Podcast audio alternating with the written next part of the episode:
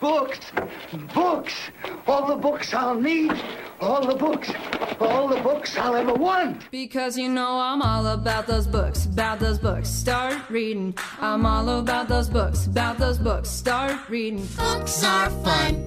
Books are great. Is it book time yet? Oh, I just can't wait to read a book. And the best thing, the very best thing of all, is there's time now. There's all the time I need and all the time I want. Time, time, time.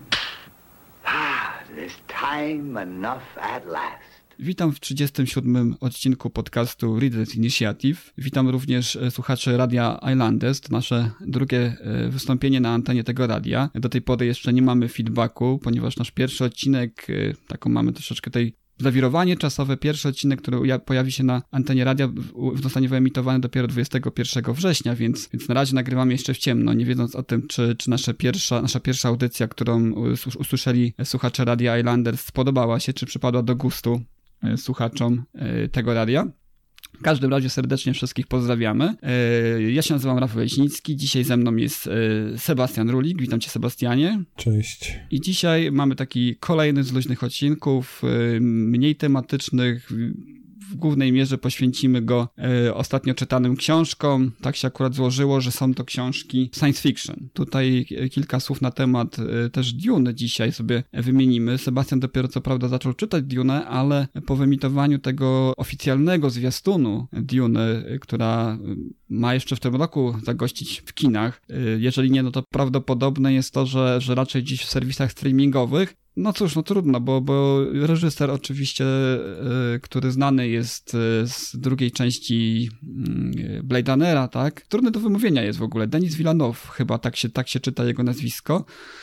No przyzwyczaił swoich widzów do tego, że, że jego filmy są robione z takim, no naprawdę wielkim E, rozmachem, a, a też sam materiał źródłowy, prawda, no niejako wymaga tego, żeby zostać zrealizowany z takim rozmachem, przepychem wizualnym, czy też jakimś, e, no, w kategoriach wysokiej sztuki filmowej. I obcowanie z tego ty, ty, typu y, ekranizacjami książek no jest troszeczkę y, ograniczone, jeżeli chodzi o, o to domowe zacisze, mimo tego, że w, obecnie mamy już coraz lepszy sprzęt prawda, w domach, wie, coraz większe telewizory, to jednak nic nie odda tego, tego klimatu kina.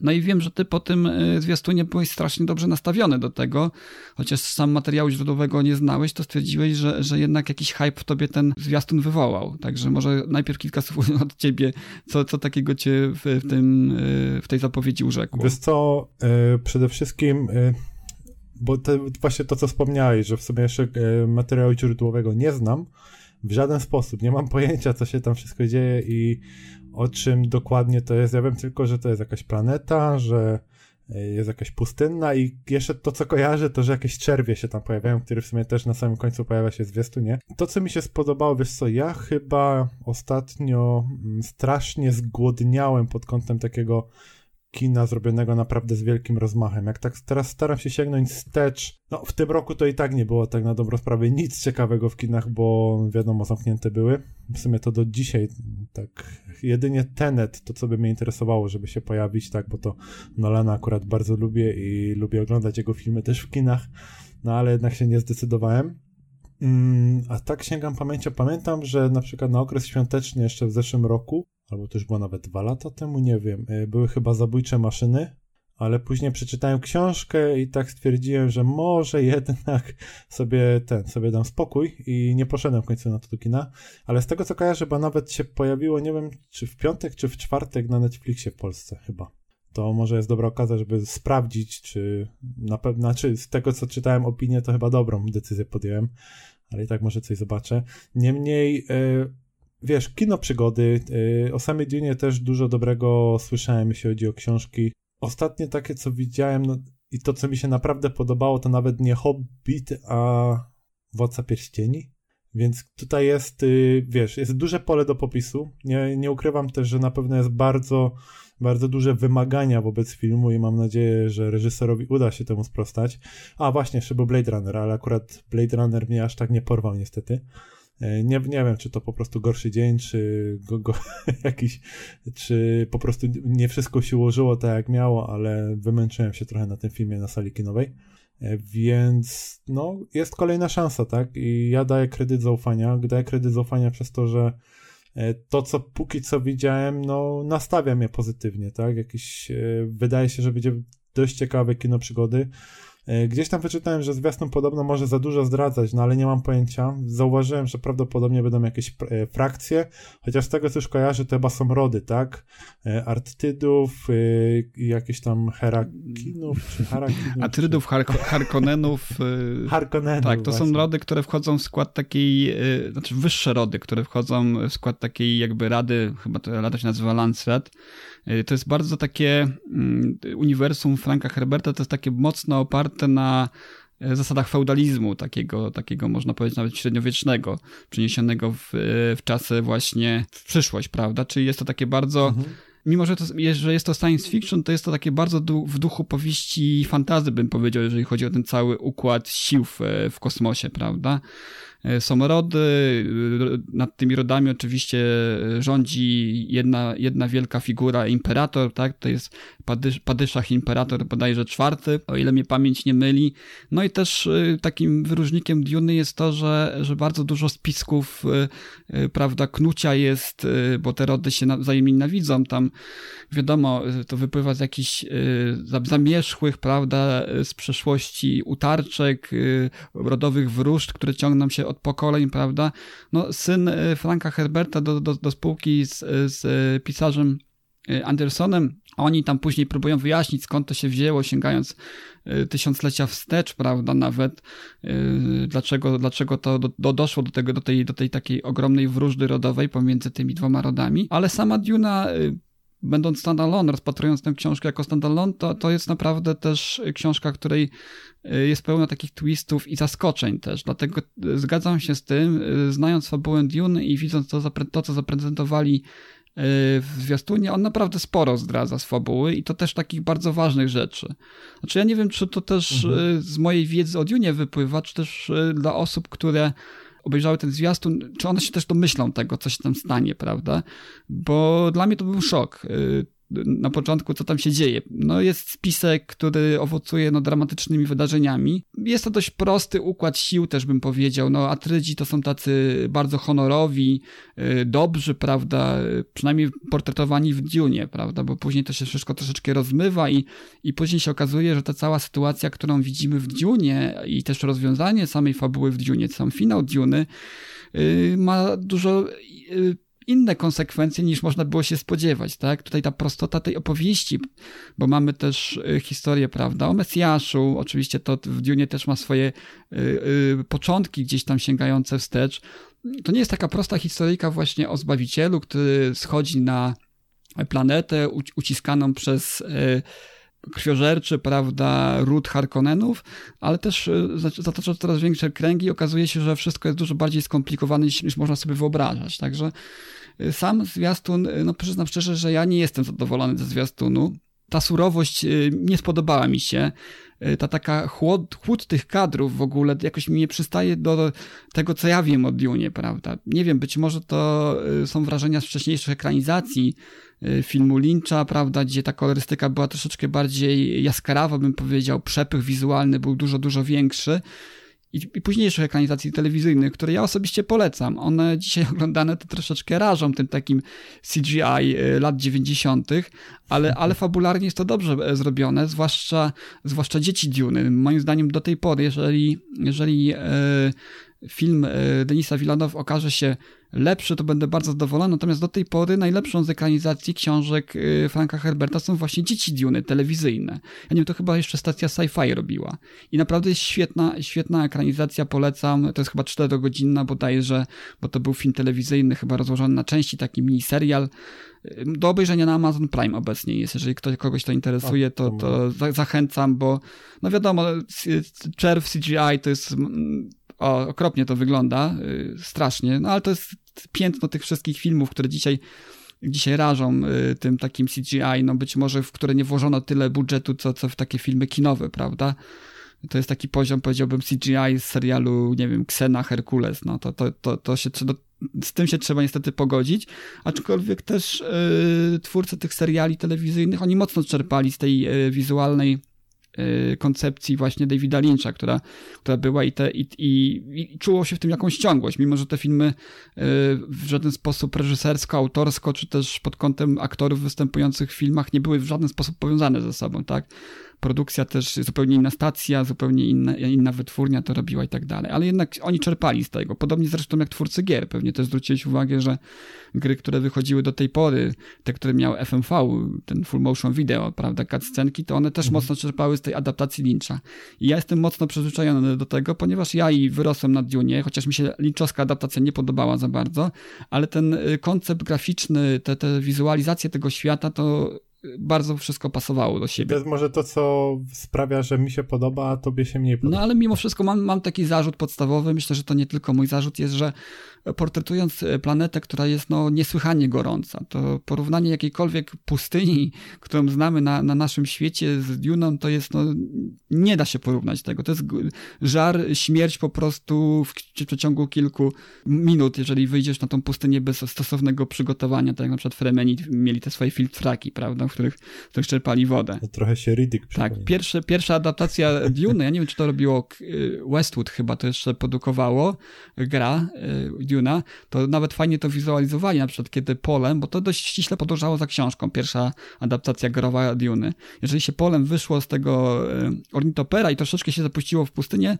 to w przeciągu kilku sekund y, otrzymaliśmy taką animację, że, że on się rozpadał jak szkielet normalnie w pył, nie? Mhm. Także tak gorąco jest. Ja, ja nie czuję tego gorąca Duny. Okej, okay, te, te y, zdjęcia przystają do tej planety rodzinnej rodu Atrydów, Kaladan, która była taką morską planetą znowu z, z dużą ilością zieleni i mórz.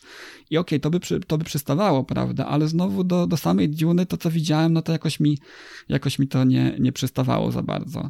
Natomiast co mogę pochwalić, to e, obsadę aktorską. To, co widziałem na zwiastunach do tej pory, to no, praktycznie są to postaci, które ja mógłbym sobie wyobrazić, że, że po czytaniu książki, prawda. Dave Batista jako Bestia Raban świetnie wygląda, Brolin jako Górnej Halek, czy też właśnie Mamoa, o którym trochę rozmawialiśmy przed nagraniem, jako Duncan, no to jest e, rewelacja moim zdaniem, chociaż znowu Mamoa, bo ja znowu znam Duncana z tego, co, co będzie później, prawda, w kolejnych książkach Dune i on jest, on wyrasta na główną postać tej serii przez jakieś tam dwie, trzy książki, tak? Mhm. Więc on niesie w później ciężar, ciężar protagonisty i to jest taka postać, która jest nie tylko mięśniakiem, tutaj głównie widzimy go w scenach walki, prawda, w zwiastunie, ale jest też takim, y, no nie wiem, czy już doczytałeś do tego momentu w Dune, y, mentantem też jest później, tak? Czyli takim ludzkim komputerem, kierującym się taką chłodną logiką przy planowaniu strategicznym, prawda? Przy przewidywaniu pewnych zachowań wrogów, więc y, nie wiem, czy mama mi pasuje do późniejszej, do tego, kim się później Duncan Idaho okazuje w książkach Dune, natomiast no tutaj akurat w tym zwiastunie fajnie wypada do, nie mam do nikogo zarzutu, nawet do, do tego młodego y, aktora Timothy Chalamet. Ja go nigdzie jeszcze nie widziałem, ale on świetnie pasuje do Pola także nie mam tu żadnych y, najmniejszych nawet y, zastrzeżeń to, co do obsady. Także jestem pełen dobrych myśli, natomiast to zwiastun mi, mi nie porwał mnie ten zwiastun, tak? Nie, nie zauważyłem jakiegoś takiego fajnego y, konceptu wizualnego, który by mnie tam zachwycił. Jednak mówię, u Lyncha to było wszystko jakoś takie ciekawsze, ładniejsze, albo też bardziej oryginalne. A tutaj jak patrzę na to wszystko, to jest takie, no, bardzo takie taki sztafasz mi się rysuje przed oczami, że, że tam nic nie ma oryginalnego w tym, w tym, co zobaczyłem, tak? Są fajne przestrzenie, dobre zdjęcia, fajne ujęcia, ale w tej kwestii e, scenografii, w tej kwestii właśnie garderoby postaci, to, to nie ma nic takiego urzekającego, prawda? Nie ma nic takiego oryginalnego, co, co i z moim wyobrażeniem Dune by korelowało i też z tym, co widziałem wcześniej, w wcześniejszych produkcjach, prawda? Filmach, grach, czymkolwiek. No ale jakbyś teraz tak popatrzył na przykład na Wiedźmina, jak y, żołnierze Nilfgardu y, jakie zbroje dostali, mm -hmm. ktoś tam chciał być odważniejszy, coś nowego stworzyć i zostali zmieszani z botem. No tak. Więc może też jest jakieś takie ostrożniejsze zagranie z jakiegoś powodu, nie wiem. Znaczy, ta, tak czy siak, no, na razie nastawiam się bardzo pozytywnie. W sumie to, jak tak rozmawiamy teraz, to się zacząłem zastanawiać, czy powinienem czytać najpierw książkę, a potem film. E, czy może jednak najpierw obejrzeć film, żeby nie porównywać bezpośrednio do siebie, co by mi mogło też trochę zepsuć odbiór. Mm, ale myślę, że jak nie, już no najpierw książka. to ja docenię myślę, że najpierw książka, Tak. tak.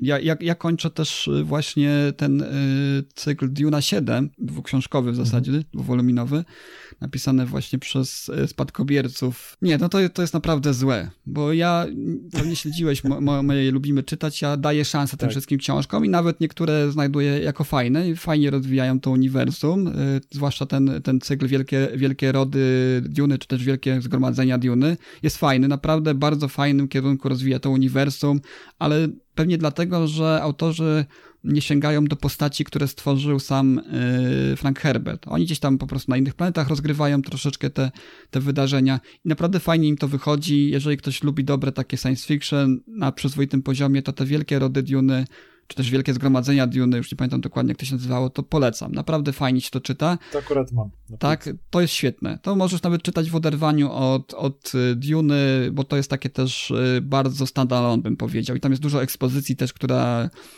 której nawet przy nieznajomości oryginalnych książek Duny fajnie się może czytać.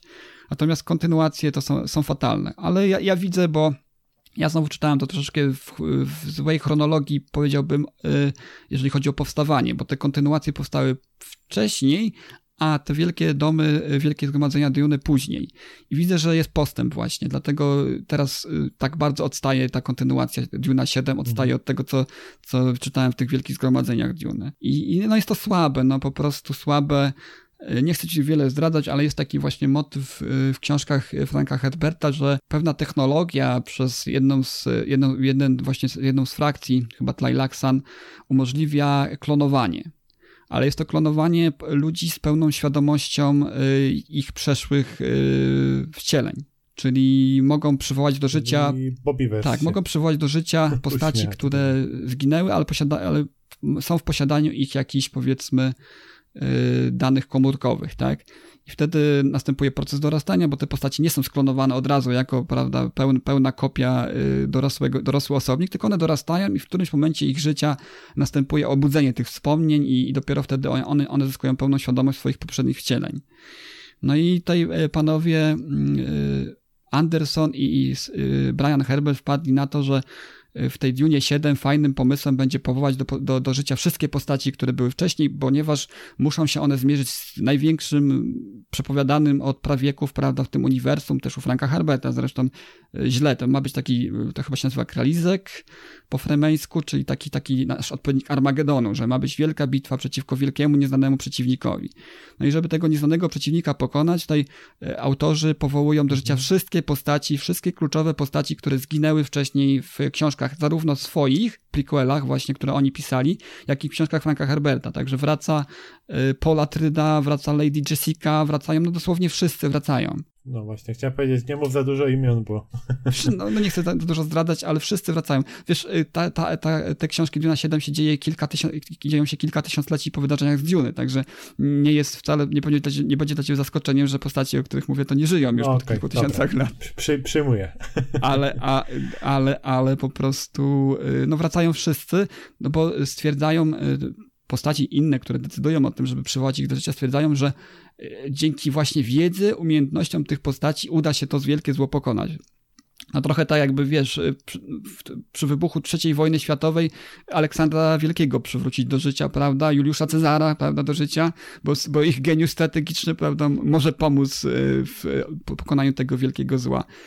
I tak strasznie skiepści te, te charaktery tych postaci w ogóle, one nie, nie zachowują się i nie wyglądają jak, jak oryginały. No to jest, to jest fatalne, po prostu fatalny pomysł, złe rozwiązanie moim zdaniem.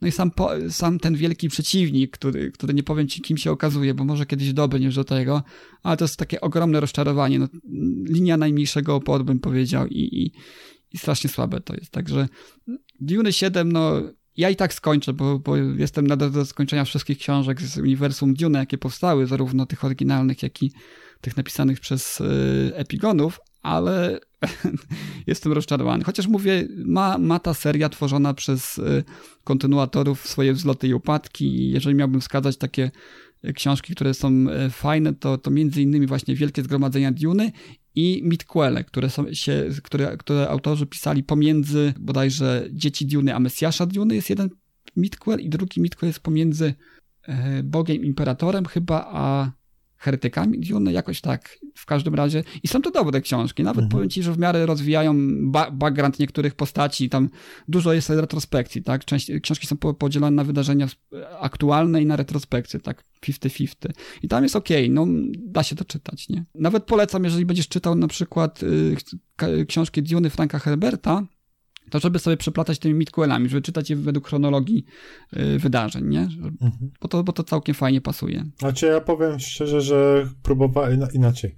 E, wzrodzi się w mojej głowie pomysł na skompletowanie tych książek, tak zostały wydane przez wydawnictwo Rebis, no ale się okazuje, że mm, zrobienie tego jest nie, nie tyle niemożliwe, co byłoby bardzo, bardzo, bardzo kosztowne, bo te książki już się raczej rozeszły zostały pojedyncze, chociaż nawet ciężko powiedzieć, że pojedyncze tomy, bo e, te rody mi się jako tako już udało skompletować, mm. ale mhm. te inne rzeczy już, na przykład może jeden tom, e, dwa z tego, z tego całego uniwersum by mi się udało jeszcze złapać, poza oczywiście korem tym Duny, chociaż te zostaje wydane w tej chwili w nowej szacie graficznej.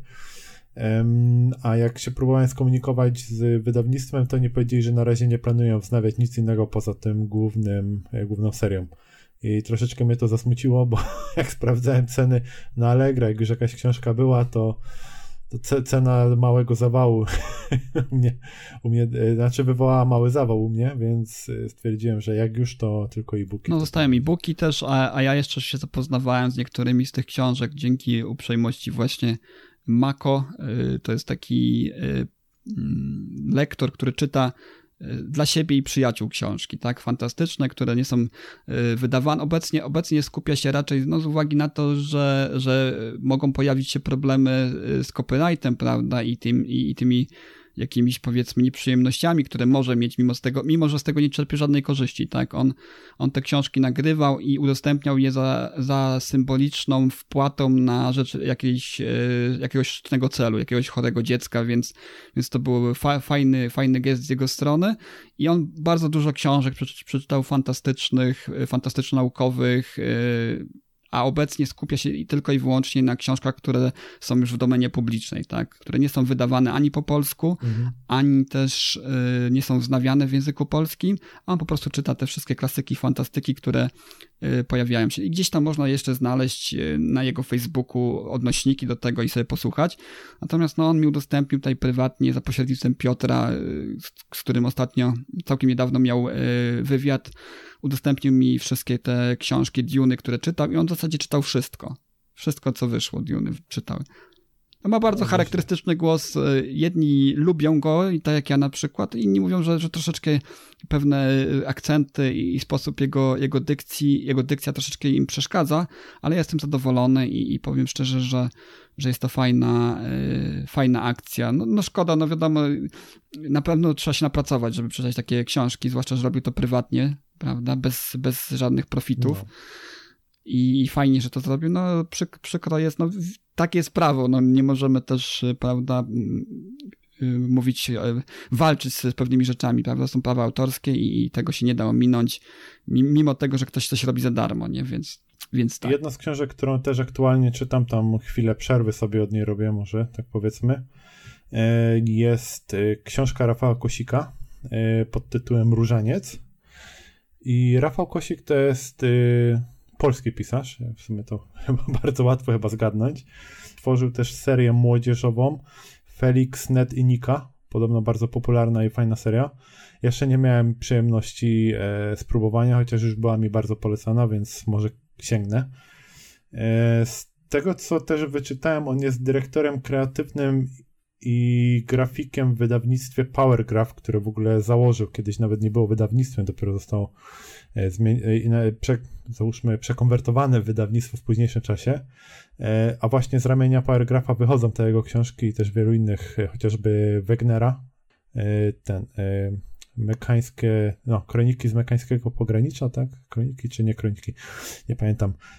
No i tam chyba jeszcze też pan, pana Raka coś się pojawiało i jeszcze jakichś innych autorów.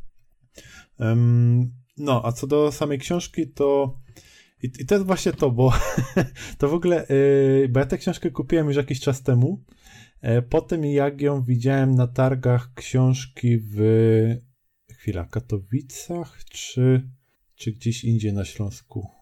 Gdzie to było? Chyba w Katowicach, ale nie dam sobie teraz ręki obciąć. Możliwe, że to był Chorzów albo Ruda Śląska. Gdzie, gdzieś tam po prostu te okolice. To jest wszystko tak blisko siebie, że aglomeracji śląskie, o może tak najłatwiej powiedzieć.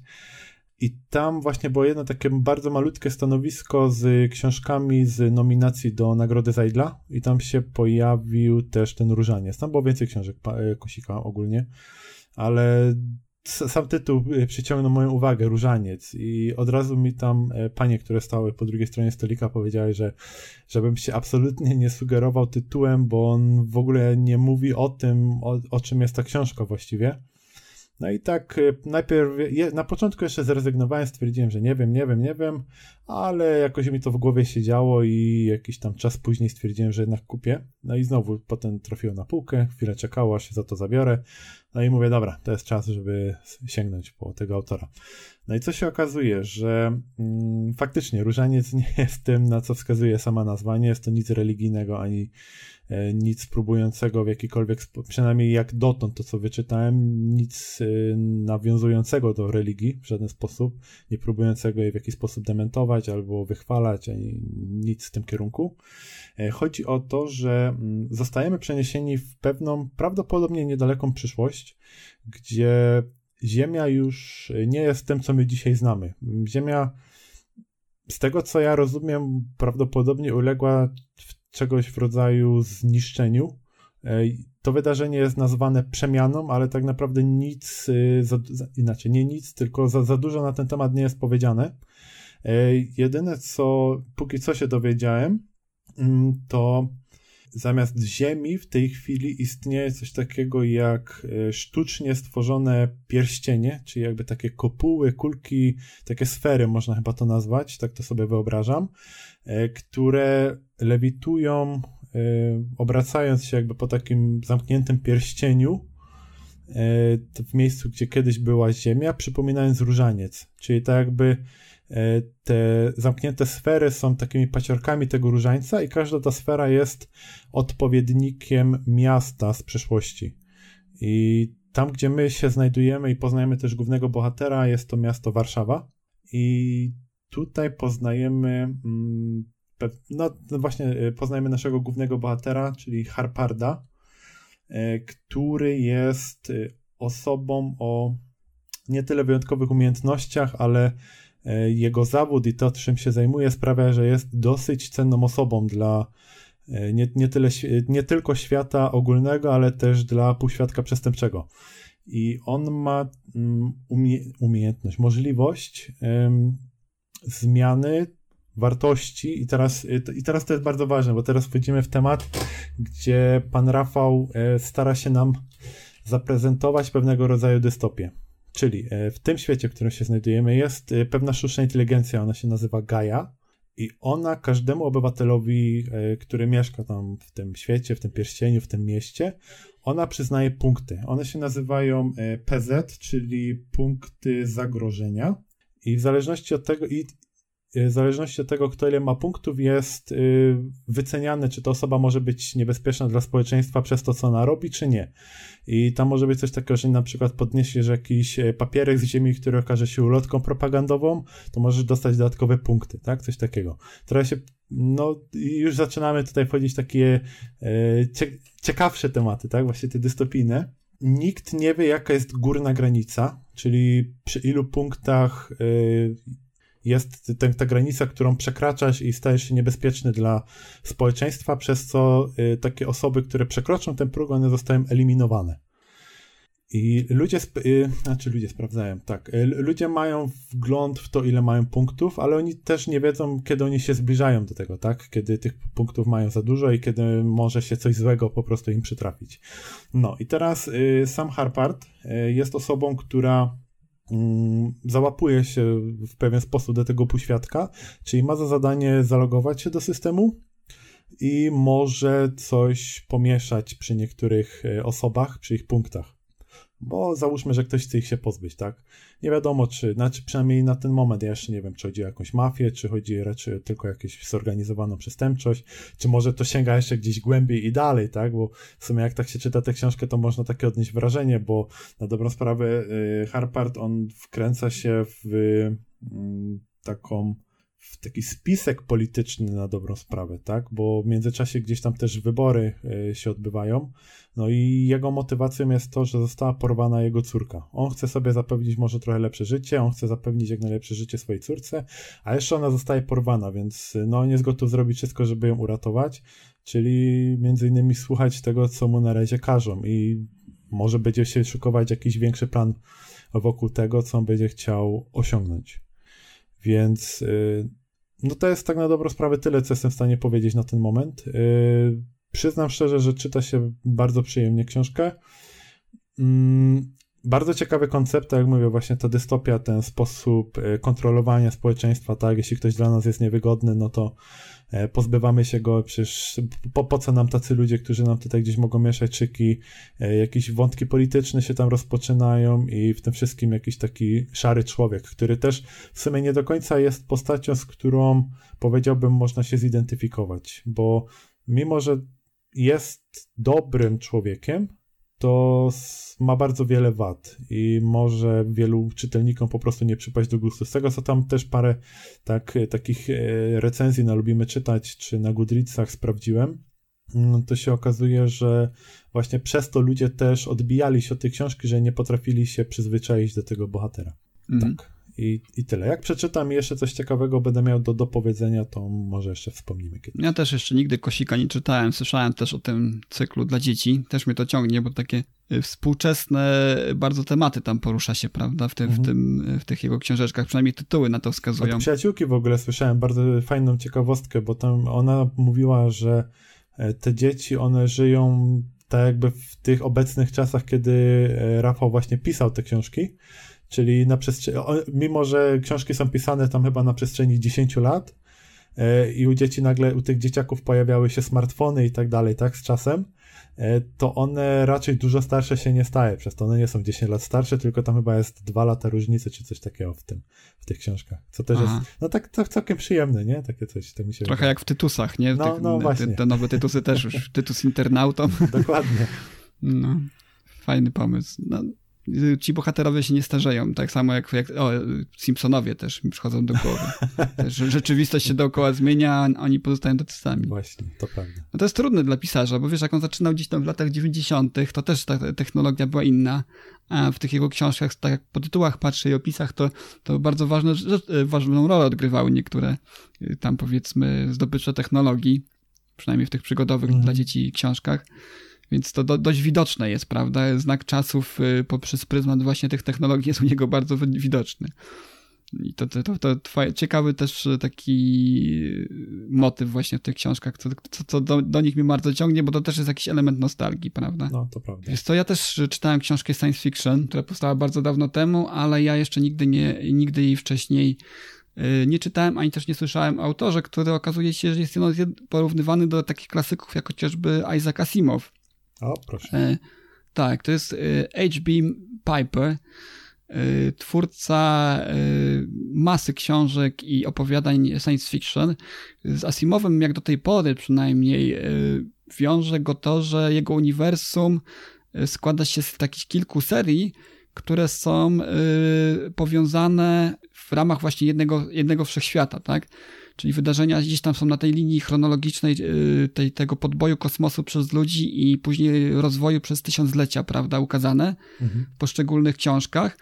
No i jest to dość prosty wszechświat, bym powiedział. Tam nie ma żadnego takiego, wiesz, y, worldbuildingu, przynajmniej w tej książce, którą ja czytam do tej pory, a wszystko, co o tym wszechświecie przynajmniej wiem y, po przeczytaniu pierwszej z cyklu książek o kudłaczach, ciekawy w ogóle tytuł, w oryginale to są Fuzzy, Fazis, chyba, chyba Fazis, tak, Fazi, to tam nie ma za dużo ekspozycji świata, natomiast to jest taka bardzo w duchu lat 50. fantastyka. Ona, ona dziś powstała chyba w połowie lat 50., która bardzo y, prosto rysuje ten świat. Po prostu jest sobie kosmos, ludzie wyróżni na inne planety, podbijają inne planety, po, czynią je sobie poddanymi, prawda, w duchu amerykańskiego pionierstwa. No i w zasadzie jest taki klimat bardzo dzikiego zachodu, też bym powiedział, w tych książkach. Czy to nie jest taki, że rewolwerowcy, prawda, i taki retrofuturyzm, ale czuć ten klimat właśnie człowieka, który pisał, y, znaczy twórczości człowieka, który pisał na przestrzeni powiedzmy lat 50., 60., tak? Mhm. Że czuć jeszcze tego ducha, ducha dzikiego zachodu, nie? No i tej głównym bohaterem tej, tej książki pierwszej z, cyklu o kudłaczach to jest y, Jack Holloway, to jest 70-letni wydobywca pereł. Są takie perły na jednej z planet. Planeta się nazywa Zaratustra. Na tej planecie wydobywa takie perły, które pod wpływem e, ciepła ludzkiego ciała błyszczą. I to są bardzo cenne klejnoty we wszechświecie. E, dają mu jako taką stabilizację finansową też malutki majątek i też wykupuje tę ziemię e, którą na tej planecie Zaratustra ma dla siebie na własność. No i problem pojawia się w momencie, kiedy na, tę, na tą jego fermę, na, na planecie Zaratustra przychodzi kudłacz. Mhm. Taka istota bardzo przypominająca mi z opisu Iwoki z, z Gwiezdnych Wojen, z opisu zachowania w ogóle, to są, wypisz, wymaluj miśki Ewoki takie. I jest to pierwsza y, taka forma rozumna, którą spotykają właśnie po y, zdobywcy kosmosu na przestrzeni tych wszystkich swoich tysięcy lat podboju. E, wcześniej spotykali różne formy, które podchodziły pod sapienty, ale te, no najbardziej, one, one gdzieś e, są na, na, na etapie rozwoju człowieka, takiego prymitywnego człowieka, prawda, jaskiniowego człowieka, te, te miśki. I problem po, po, polega na tym, że korporacjom jest to nie, nie, nie, które rządzą wszechświatem, prawda, wielkie korporacje, jest to nie w smak, ponieważ e, odkrycie właśnie e, humanoidalnej sapientów na tej planecie może e, powstrzymać ich od wydobycia, prawda, surowców naturalnych tej planety, ponieważ jest takie prawo w tym kosmosie funkcjonuje, że jeżeli znajdą istoty rozumne, to te, ta Ziemia jest im podległa, prawda, nie, należy do nich, nie można mhm. ich odbijać. To też jakiś tam duch tego, prawda, kolonializmu, podboju Ameryki przez y, państwa kolonialne, prawda, i późniejsza eksterminacja Indian, gdzieś te echa są w tym wszystkim, Ale prawda? taki temat y, tego z zachowaniem, że jak jest istota rozumna i tak dalej, to mi się wydaje, że science fiction raczej często się przewija y, właśnie to zagadnienie, nie? No tak, tylko tu mówimy o książce, która powstała u zarania, prawda, prawda, literatury science fiction, takiej, takiej powiedziałbym, mm. bardziej współczesnej tego złotej ery. No i ogólnie z tego science fiction to nie ma za dużo, bo cała ta akcja gdzieś tam, gdzieś na tej Zaratustrze są te przepychanki właśnie pomiędzy korporacją i oczywiście e, silnie brojącym z e, futrzaków. Oczywiście po jednym futrzaku pojawia się więcej, sprowadzają, sprowadza swoją rodzinkę futrzaków, tam one zyskują takie śmieszne imiona, im nadaje.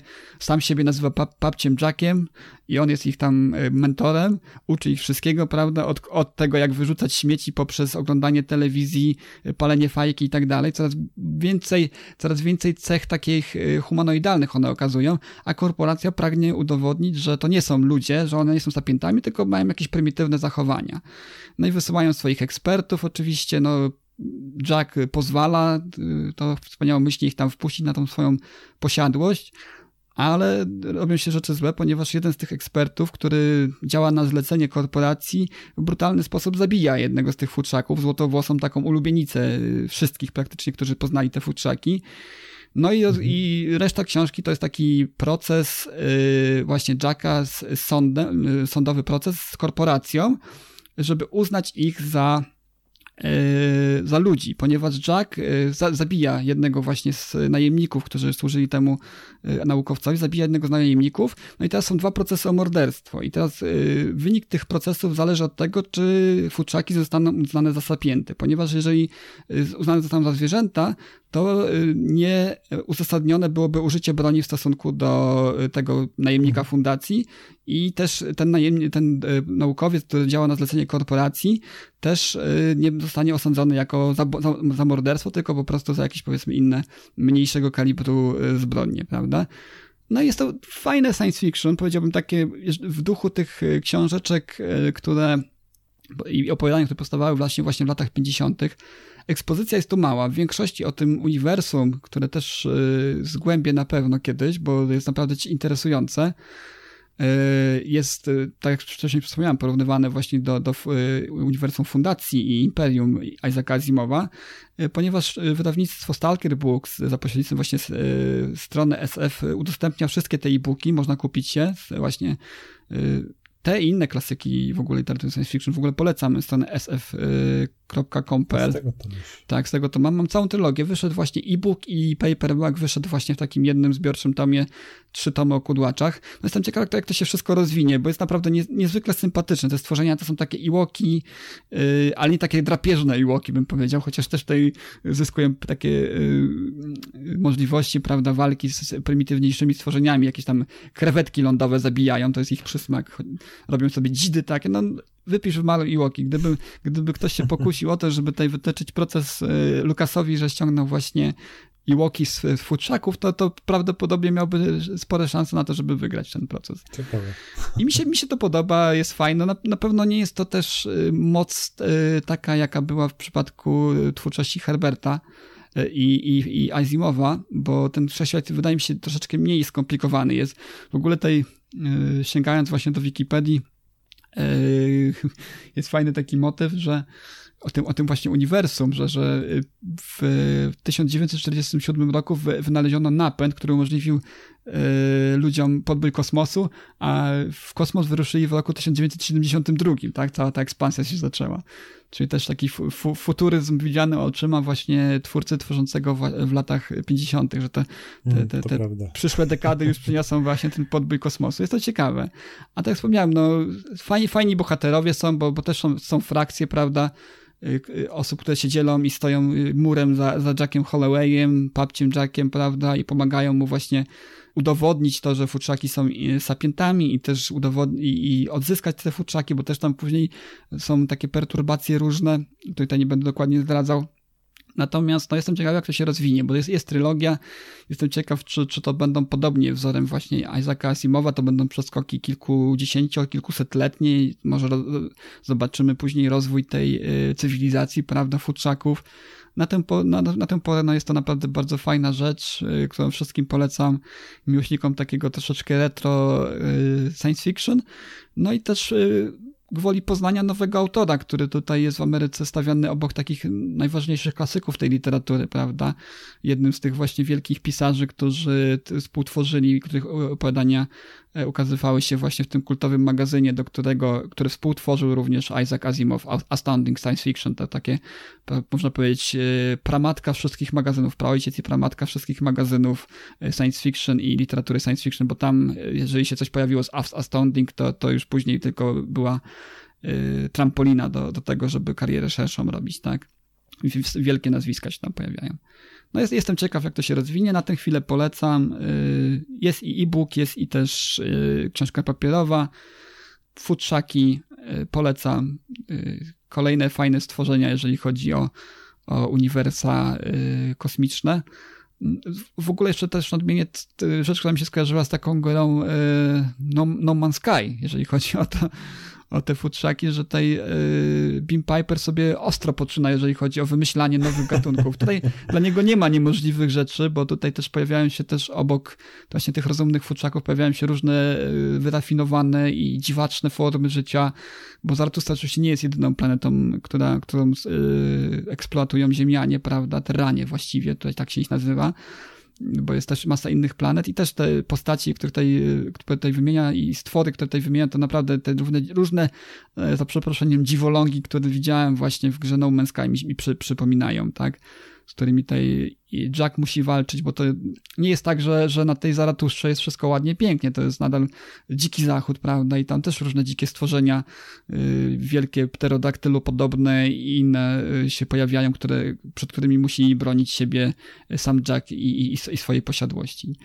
No jest fajny taki clinch też tutaj, y, prawda, pomiędzy wielką korporacją, której, której nikt nie lubi oczywiście, a jednym y, zatwardziałym, prawda, obywatelem, który ma ten swój skrawek ziemi no właśnie, to jest, to jest ten problem właśnie prawniczy też, bo futrzaki po raz pierwszy pojawiły się na, niego, na jego ziemi, nie? Wiesz, i to jest ten mhm. problem prawniczy, że korporacja nie może sobie o tak powiedzieć, nie, wybijmy je wszystkie i nie ma problemu, nikomu o tym nie powiemy, tylko to jest jego ziemia, nie? Rzucę na tokiem. Jakby przypomnij, że jeszcze po rozmowie, jakbyś mi napisał tytuł, to ja sobie tam e, wejdę na tę stronkę i poszukam tej książki, chętnie sprawdzę.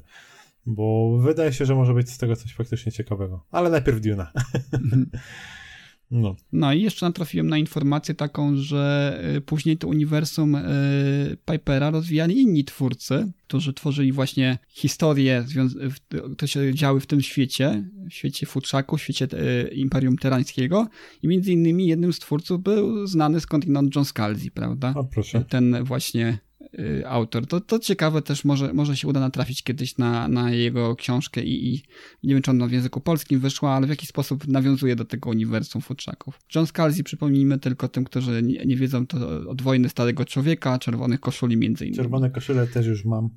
Nie było łatwo, ale udało się zdobyć. E, Pytaliście mnie w sobotę, czy we wtorek będziemy nagrywać, a ja wiedziałem, że Dune jeszcze nie ruszyłem, bo akurat w tym okresie między nagraniami bardziej skupiłem się na podcastach, które tam słuchałem, żeby sobie trochę ponadrabiać, bo mam duże, duże zaległości. Skończyło się na tym, że też y, chyba z trzy razy zasnąłem ze słuchawką w uchu.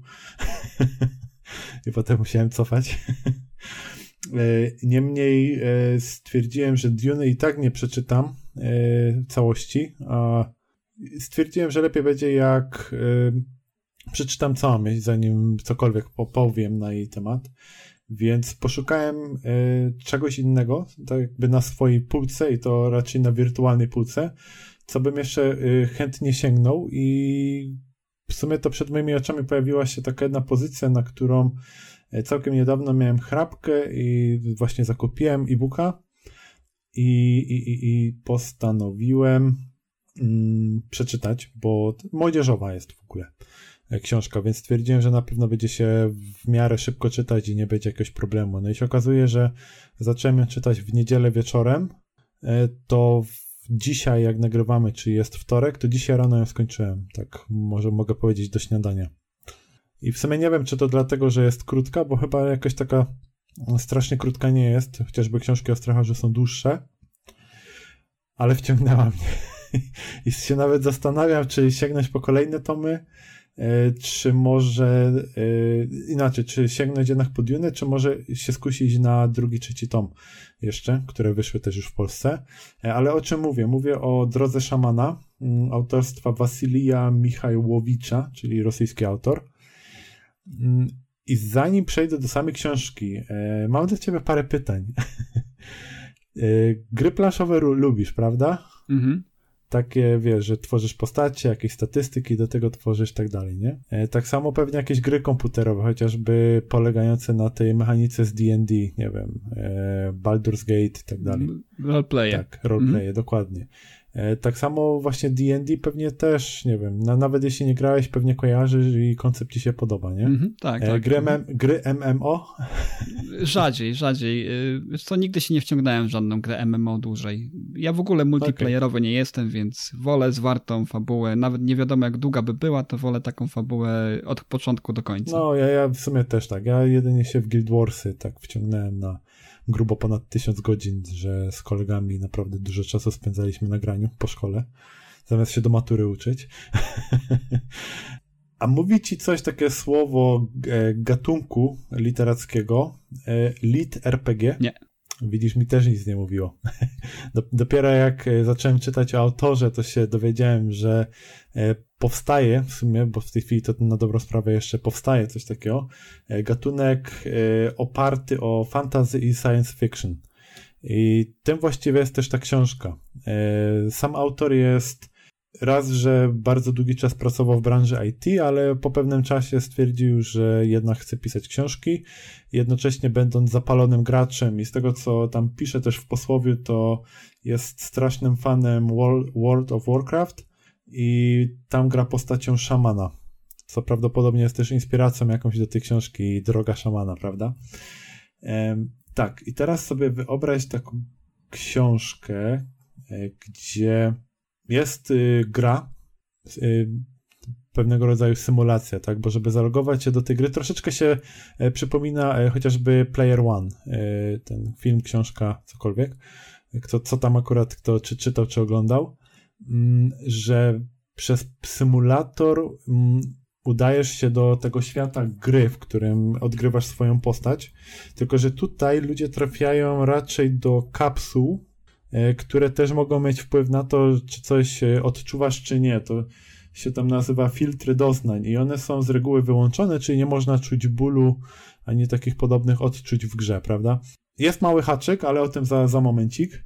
I teraz tak, y, sam, sam ten świat wirtualny, on się nazywa Barliona i on tam zdobywa jakąś popularność, tak? Ludzie uwielbiają w to grać. Tam jest y, tak ten system utworzony, że y, walutę, którą zdobywasz w grze, można w jakiś tam sposób też przekonwertować w prawdziwą gotówkę, której możesz używać w prawdziwym świecie i bardzo oparty jest na tym y, też tak, system finansowy w ogóle państw czy tam nawet całego świata. W sumie nie wiem, czy konkretnie państwa, czy konkretnie państwa Rosji, czy też całego świata, ale ogólnie jest to taka gra, która ma straszną dużą popularność i ludzie tam spędzają nawet miesiące swojego życia y, w samej grze, odgrywając y, rolę swoich postaci. I w samym w tym świecie tej gry możesz być y, orkiem, człowiekiem, elfem, krasnoludem, gnomem i tak dalej, i tak dalej, więc tutaj od razu na myśl przychodzi chociażby właśnie to wspomniane World of Warcraft.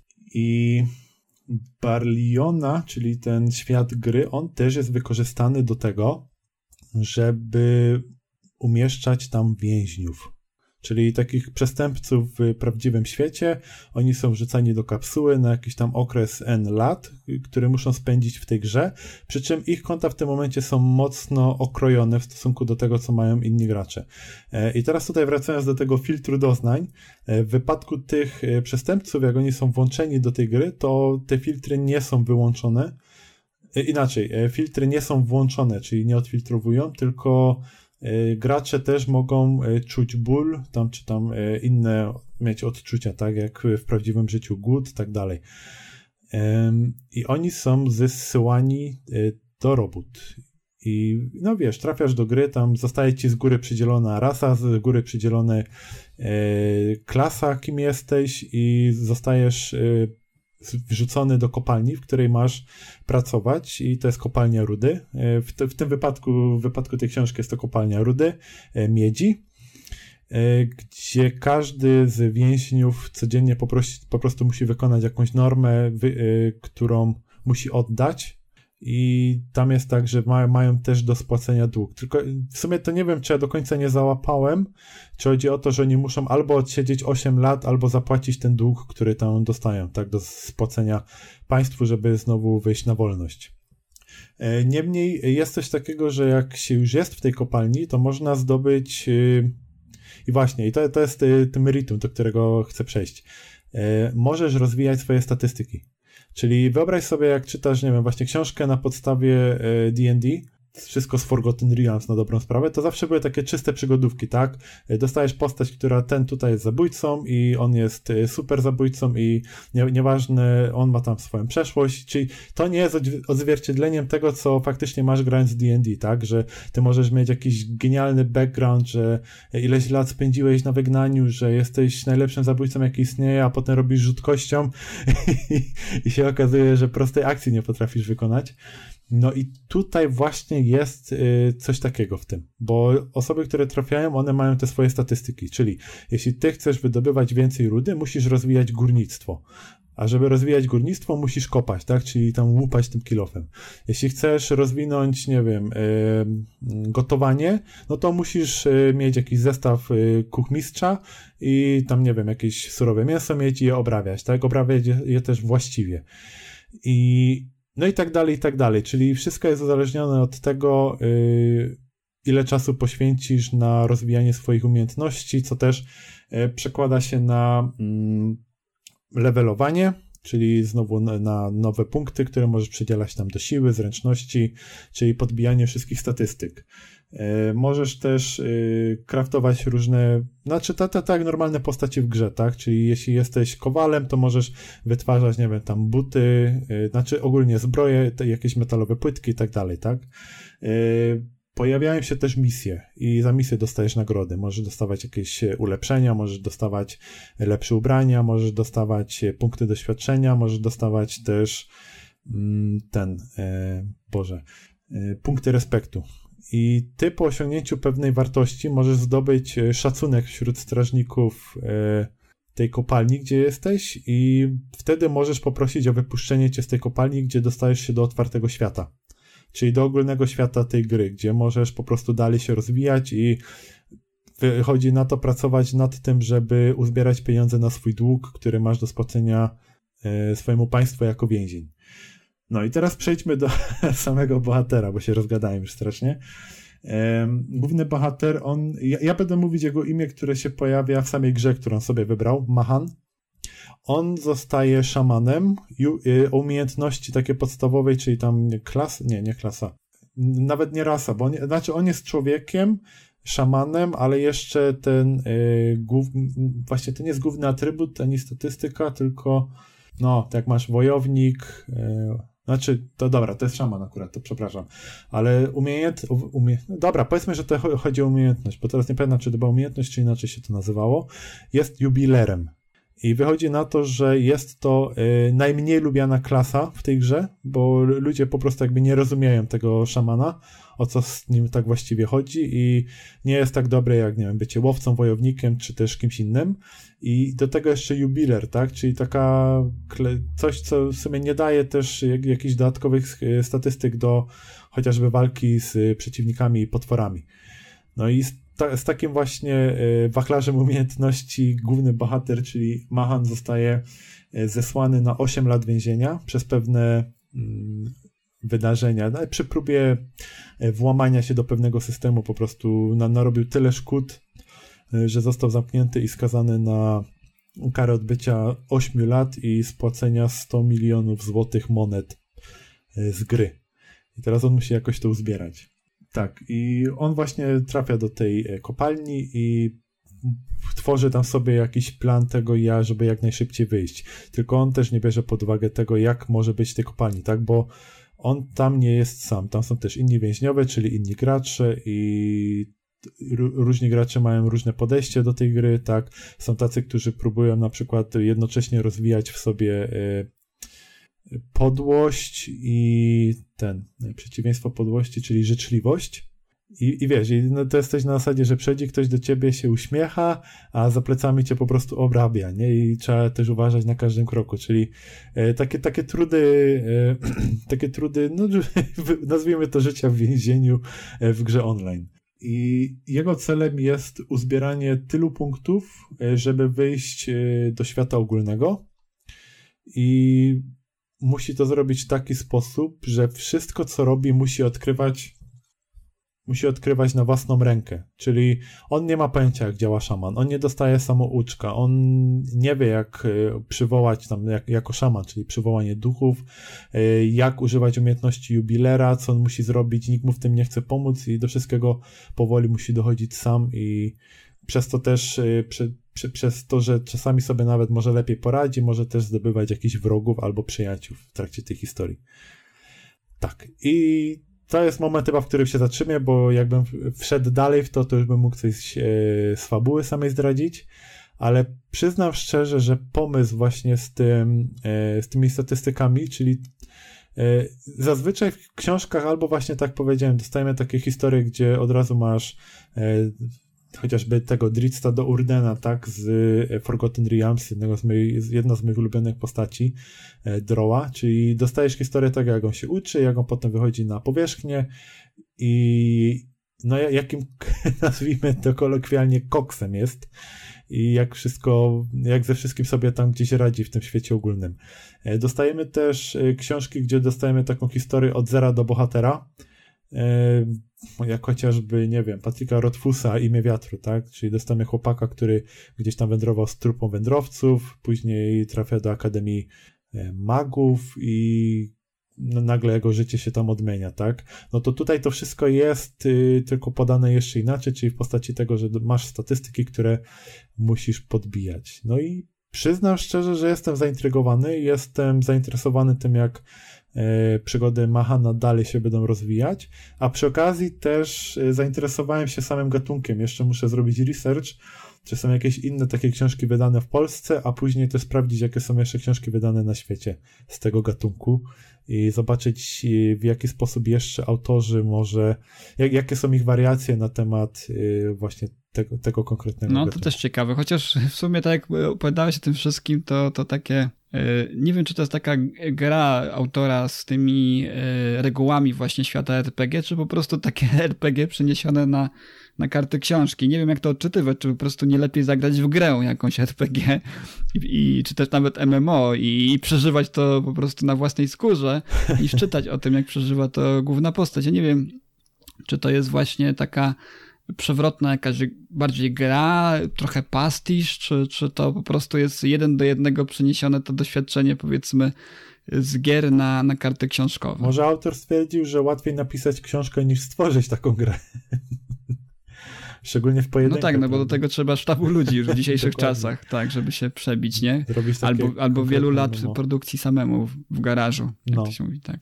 Ale no... Nie wiem, dla mnie, dla mnie ja, ja, nie widzę tam nic atrakcyjnego, szczerze mówiąc, no bo lepiej w grę zagrać, jeżeli, jeżeli mam, miałbym patrzeć na to i zaczynać tam powiedzmy od zera do bohatera, niż e, czytać o tym, no bo gdyby to był pastisz taki per se, albo ewentualnie jakaś przewrotna gra z tym Y, pomysłem, tak, z tym konceptem wyjściowym, to okej. Okay. No ale widzę, że jest specjalny kate kategoria, specjalna, specjalny gatunek powstał i pewnie też, skoro tak się stało, to są też odbiorcy, do których to jest no z tego, co mi się udało sprawdzić, to podobno dość dużą popularnością cieszy się chociażby właśnie te, te, te książki tego autora. Więc y, może jakaś tam przyszłość y, z fantasy i science fiction leży w tym gatunku, nie wiem. E, to, to, to, to, co jest fajne w tym wszystkim, dla mnie to jest to, że gdzieś taki po, po, poczułem taką chęć zagrania w coś tego rodzaju, tak? Nie wiem, czy to, czy, czy do Skyrima powinienem wrócić, bo to w sumie chyba by najbardziej pasowało, bo na MMO raczej nie mam chęci, nie, nie mam chęci, ani, ani pewnie czasu, jakby się szybko okazało, ale może jakąś grę właśnie tak poszukać i się zastanowić, co, co jeszcze bym mógł zagrać poza Elder Scrollsami. No nie wiem, no tak mówię, taki ciekawy koncept, nie spodziewałem się tego, tak szczerze powiedziawszy, e, że coś takiego i że aż do tego stopnia mnie na dobrą sprawę wciągnie, bo rozdziały raczej są długie, takie na, znaczy długie mam na myśli, ostatnio się przyzwyczaiłem do tego, że rozdziały to są takie od, przy, przy małych grozach od jednej minuty do 15 minut czytania, a tutaj było na przykład tak na 40 nawet. E, jeśli był taki naprawdę grubszy ten i mimo to siedziałem, czytałem nawet gdzieś tam znacznie później chodziłem spać e, tam dwie noce z rzędu. No nic, może, może się zainteresuję, zobaczę, chociaż parę stron przerzucę, chociaż widzę, widzę że to nie dla mnie już jest na, na tę chwilę. No może, może tak być, tak. E, to w ogóle jest książka młodzieżowa z tego, co kojarzę też, więc mo może chodzi o tych e, właśnie młodszych odbiorców, którzy już są bardziej E, nie wiem, wgryzieni w te dzisiejsze technologie i sposób działania świata niż my. Nie ma pojęcia. No, prawdopodobnie. Ja jeszcze y, powiem dwa słowa dosłownie o, o książce, po którą sięgnąłem, bo y, tytuł mnie zainteresował też, ale też y, z tego powodu, że HBO wzięło się za adaptację serialową tej książki, a mianowicie chodzi o krainę Lovecrafta, bo chyba taki polski y, tytuł jest tej książki. Tak potwierdzam. Chyba cztery odcinki są na HBO. No i autorem tej książki jest Matt Ruff. Y, ja nie czytałem y, tego wcześniej. Tutaj według opisu to jest autor, który tworzy książki wypływające z inspiracji właśnie literaturą Filipa K. Dicka chociażby, czyli cyberpunk. A książka Kaina Lovecrafta zabiera nas w lata 50. do Stanów Zjednoczonych i tutaj już na, na, samym wstępie są mocne akcenty korelujące z wydarzeniami teraz na świecie, czyli z tym całym ruchem Black Lives Matters, e, tymi mhm. wszystkimi rzeczami, które raz na jakiś czas wypływa, prawda, ta kwestia y, sposobu traktowania y, czarnoskórych w Ameryce, tego, co się działo w tym okresie, prawda, dyskryminacji, która do dziś tam w niektórych nawet rejonach Stanów Zjednoczonych do dzisiaj trwa. No i ta książka mhm. trochę się wpisuje w to. Ja spodziewałem się zupełnie czego, czego innego tutaj po tej książce. Spodziewałem się przede wszystkim tego, co sugeruje tytuł, czyli jakiegoś tam fajnego y, sposobu nawiązywania do literatury y, Lovecrafta chociażby. No i przyznam szczerze, że posypały się, jak wczoraj na naszej grupie y, umieściłem informację o tej książce, to, to już komentarz był z jednej strony, że ojejku, znowu kolejna książka, która porusza te kwestie rasowe i tak dalej. No i troszeczkę tak, no mówię, no faktycznie jest trochę przesyt y, informacjami, przesyt w mediach, w, w, kinie tego, y, podnoszenia tego problemu. Ja nie mówię, że, nie on, że on nie jest ważny. I to, to jest ważny, to są ważne sprawy, o których no, warto mówić głośno. Działy się źle, złe rzeczy kiedyś w Stanach Zjednoczonych, dzieją się nadal na świecie złe rzeczy, jeżeli chodzi o kwestie rasowe. No, problem tylko jest taki, że zbliżamy się do takiej niebezpiecznej granicy, gdzie się dalej o tym dużo mówi, ale są ludzie, którym już to zaczyna przeszkadzać i gdzieś tam wyrażają swoje niezadowolenie z tego faktu. I teraz mo moim zdaniem też jest jakieś takie mm, bardzo ważne zadanie chyba przed ludźmi, którzy y, ten temat gdzieś dalej będą szerzyć, bo jakby, no moim zdaniem nie, nie powinno się to tak nagle urwać, tak, jak wiele innych y, inicjatyw. I no to jest, no, że mam nadzieję, że uda się to ugryźć w taki sposób, że nagle nie, nie zacznie się to obracać gdzieś tego kota ogonem przez to. Mm -hmm. Ale przyznam szczerze, że, że akurat y, po zaczęciu czytania tej książki bardzo szybko przeszedłem nad tym do porządku dziennego. Okej, okay, jest y, bardzo mocno ukazany ten rasistowski stosunek właśnie do czarnoskórych mieszkańców Ameryki, bo to jest rok 1954, prawda? Obywatele Ameryki czarnoskórzy byli traktowani gorzej, jako obywatele drugiej kategorii. No i tutaj głównym bohaterem jest Atticus Turner, to jest taki e, były żołnierz, służył bodajże w Korei, zdaje się, czyli weteran wojenny, który wraca do, do, do domu i jego ojciec prosi o, o, o, spotkanie, tak? On jedzie gdzieś tam chyba z terenów Florydy do, do Chicago. No to jest spora, spora wycieczka. Mhm. Po drodze oczywiście natrafia na, na przejawy rasizmu, psuje mu się koło. W samochodzie y, nie chcą mu nawet sprzedać opony, już nie mówiąc o wymianie, prawda, bo warsztat jest y, prowadzony przez białych mieszkańców i jeszcze gdzieś tam na tym y, warsztacie przyczepiona jest flaga Konfederacji, tak? Więc to już dodatkowo jeszcze już mhm. wszelkie nadzieje Atticus porzuca, że mu pomogą. No ale powiem ci tak, Atticus od razu moje serce zdobył jako bohater, bo raz, że weteran, fajna postać. Od razu od pierwszych kart książki tutaj autor rysuje nam taki daje nam takie przesłanki do tego, jakim to, jaka to będzie postać. On w swoim bagażniku wiezie masę książek i większość z tych książek to jest fantastyka, nie? Heinlein, Bradbury, nie? Mhm. I inni z tego okresu, okay. Hubbard, którego akurat tutaj bohater nie lubi, a, ale już, i już, już, już pewnego rodzaju wiemy, z jakiego typu bohaterem będziemy mieli do czynienia, nie? I dzwoni na mhm. pomoc drogową, przyjeżdża mu pomóc y, inny czarnoskóry mechanik, ale ma 4 godziny na to i w ciągu tych 4 godzin to jest mówi autor o tym, że przeczytał ten e, bohater Kroniki Marsjańskie sobie przeczytał w ciągu tych 4 minut, umilił, 4 godzin, przepraszam, umilił sobie czas czekania na, na, na tego mechanika. To takie fajne... Mój stosunek do tego, do tego bohatera już niejako został nakreślony.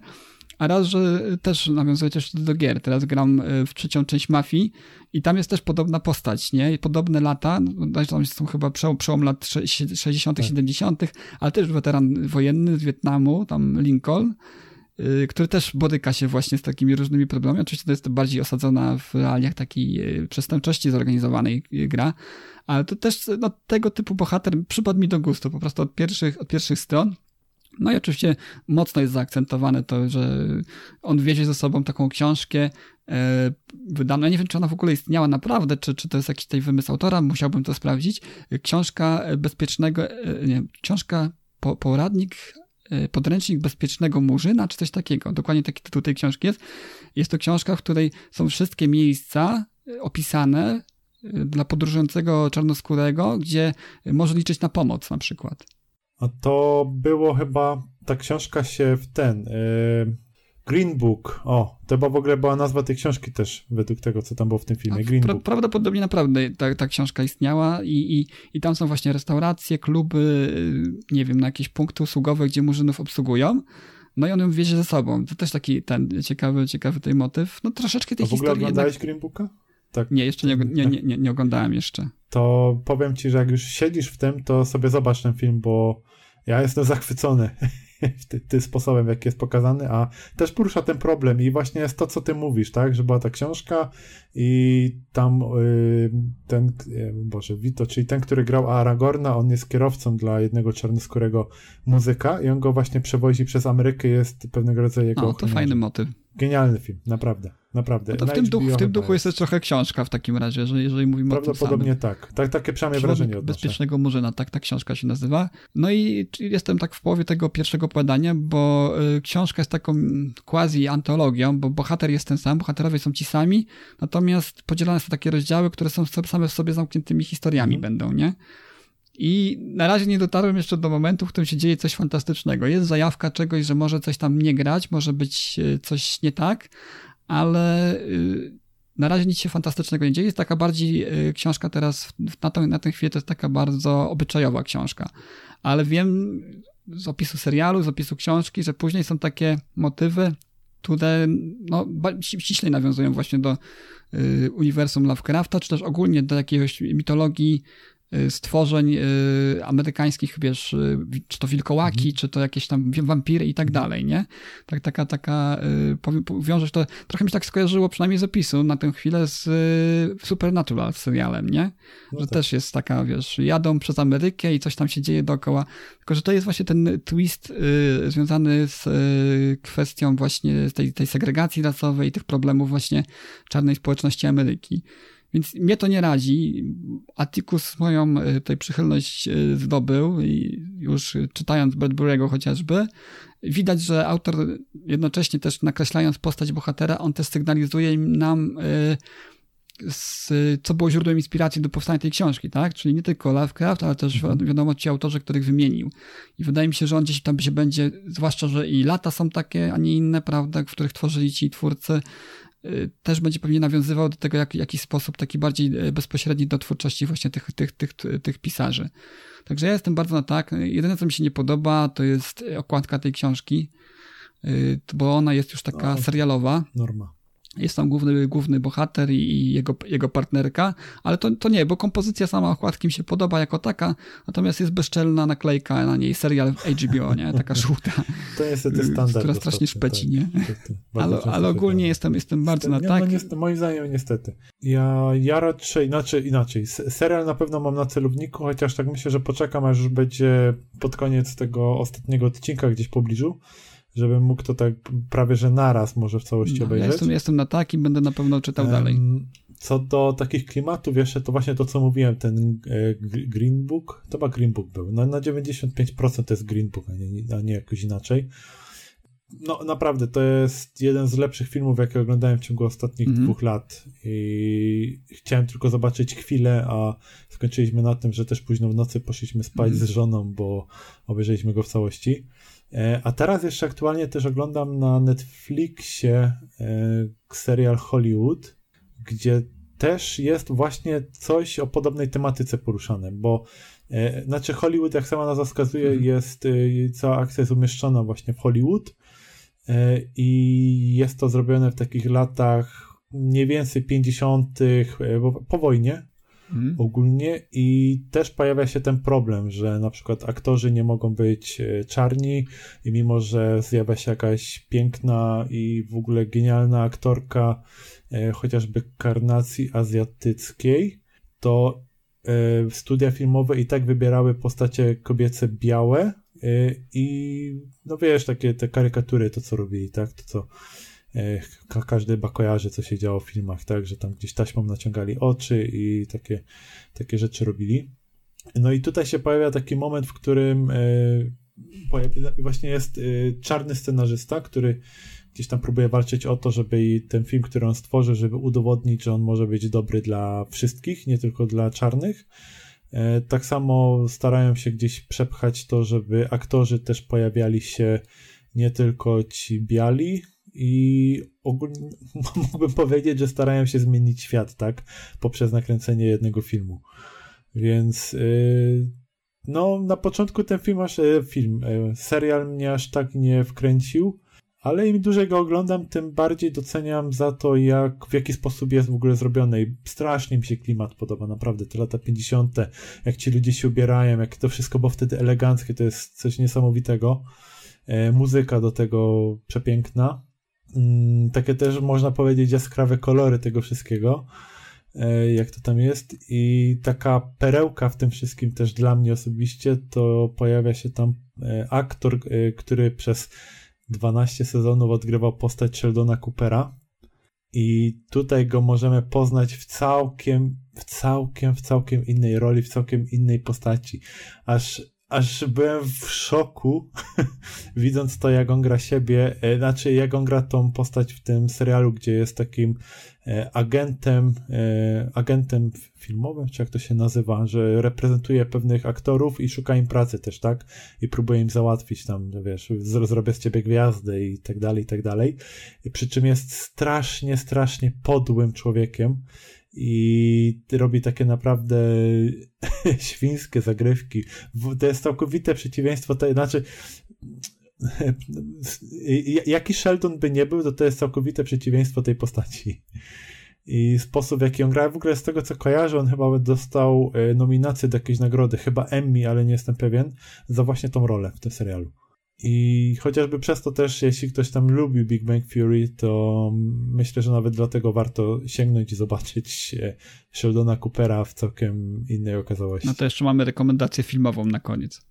Myślę, że, że na tym zakończymy już. Ja y, serdecznie dziękuję Ci, Sebastianie, że udało Ci się dzisiaj znowu nas dołączyć. E, dziękuję oczywiście słuchaczom e, Radia Islanders, dziękuję wszystkim słuchaczom naszego podcastu e, Readers Initiative i myślę, że usłyszymy się już niedługo, być może z szerszymi rekomendacjami i, i bardziej dokładnymi recenzjami, chociażby Lovecraft Country, czy, czy też Dune może w końcu, kiedy skończysz, już jestem ciekaw twojej opinii po pierwszym czytaniu, bo to też fajną perspektywę się wtedy ma, jeszcze kiedy się jest u progu tego wszechświata, do którego się chce wstąpić. Jeszcze raz Ci dziękuję, e, Sebastianie, i do usłyszenia. Dzięki, do usłyszenia, trzymaj się. Cześć. There's so many books to choose. Get on board, you just can't lose. Books expand your mind, it's true. Reading books is good for you. I love reading. Oh, I'm going down to the library, picking out a book, check it in, check it out. Gonna say hi to the dictionary, picking out a book, check it in, check it out. I'm going down to the line. Shh.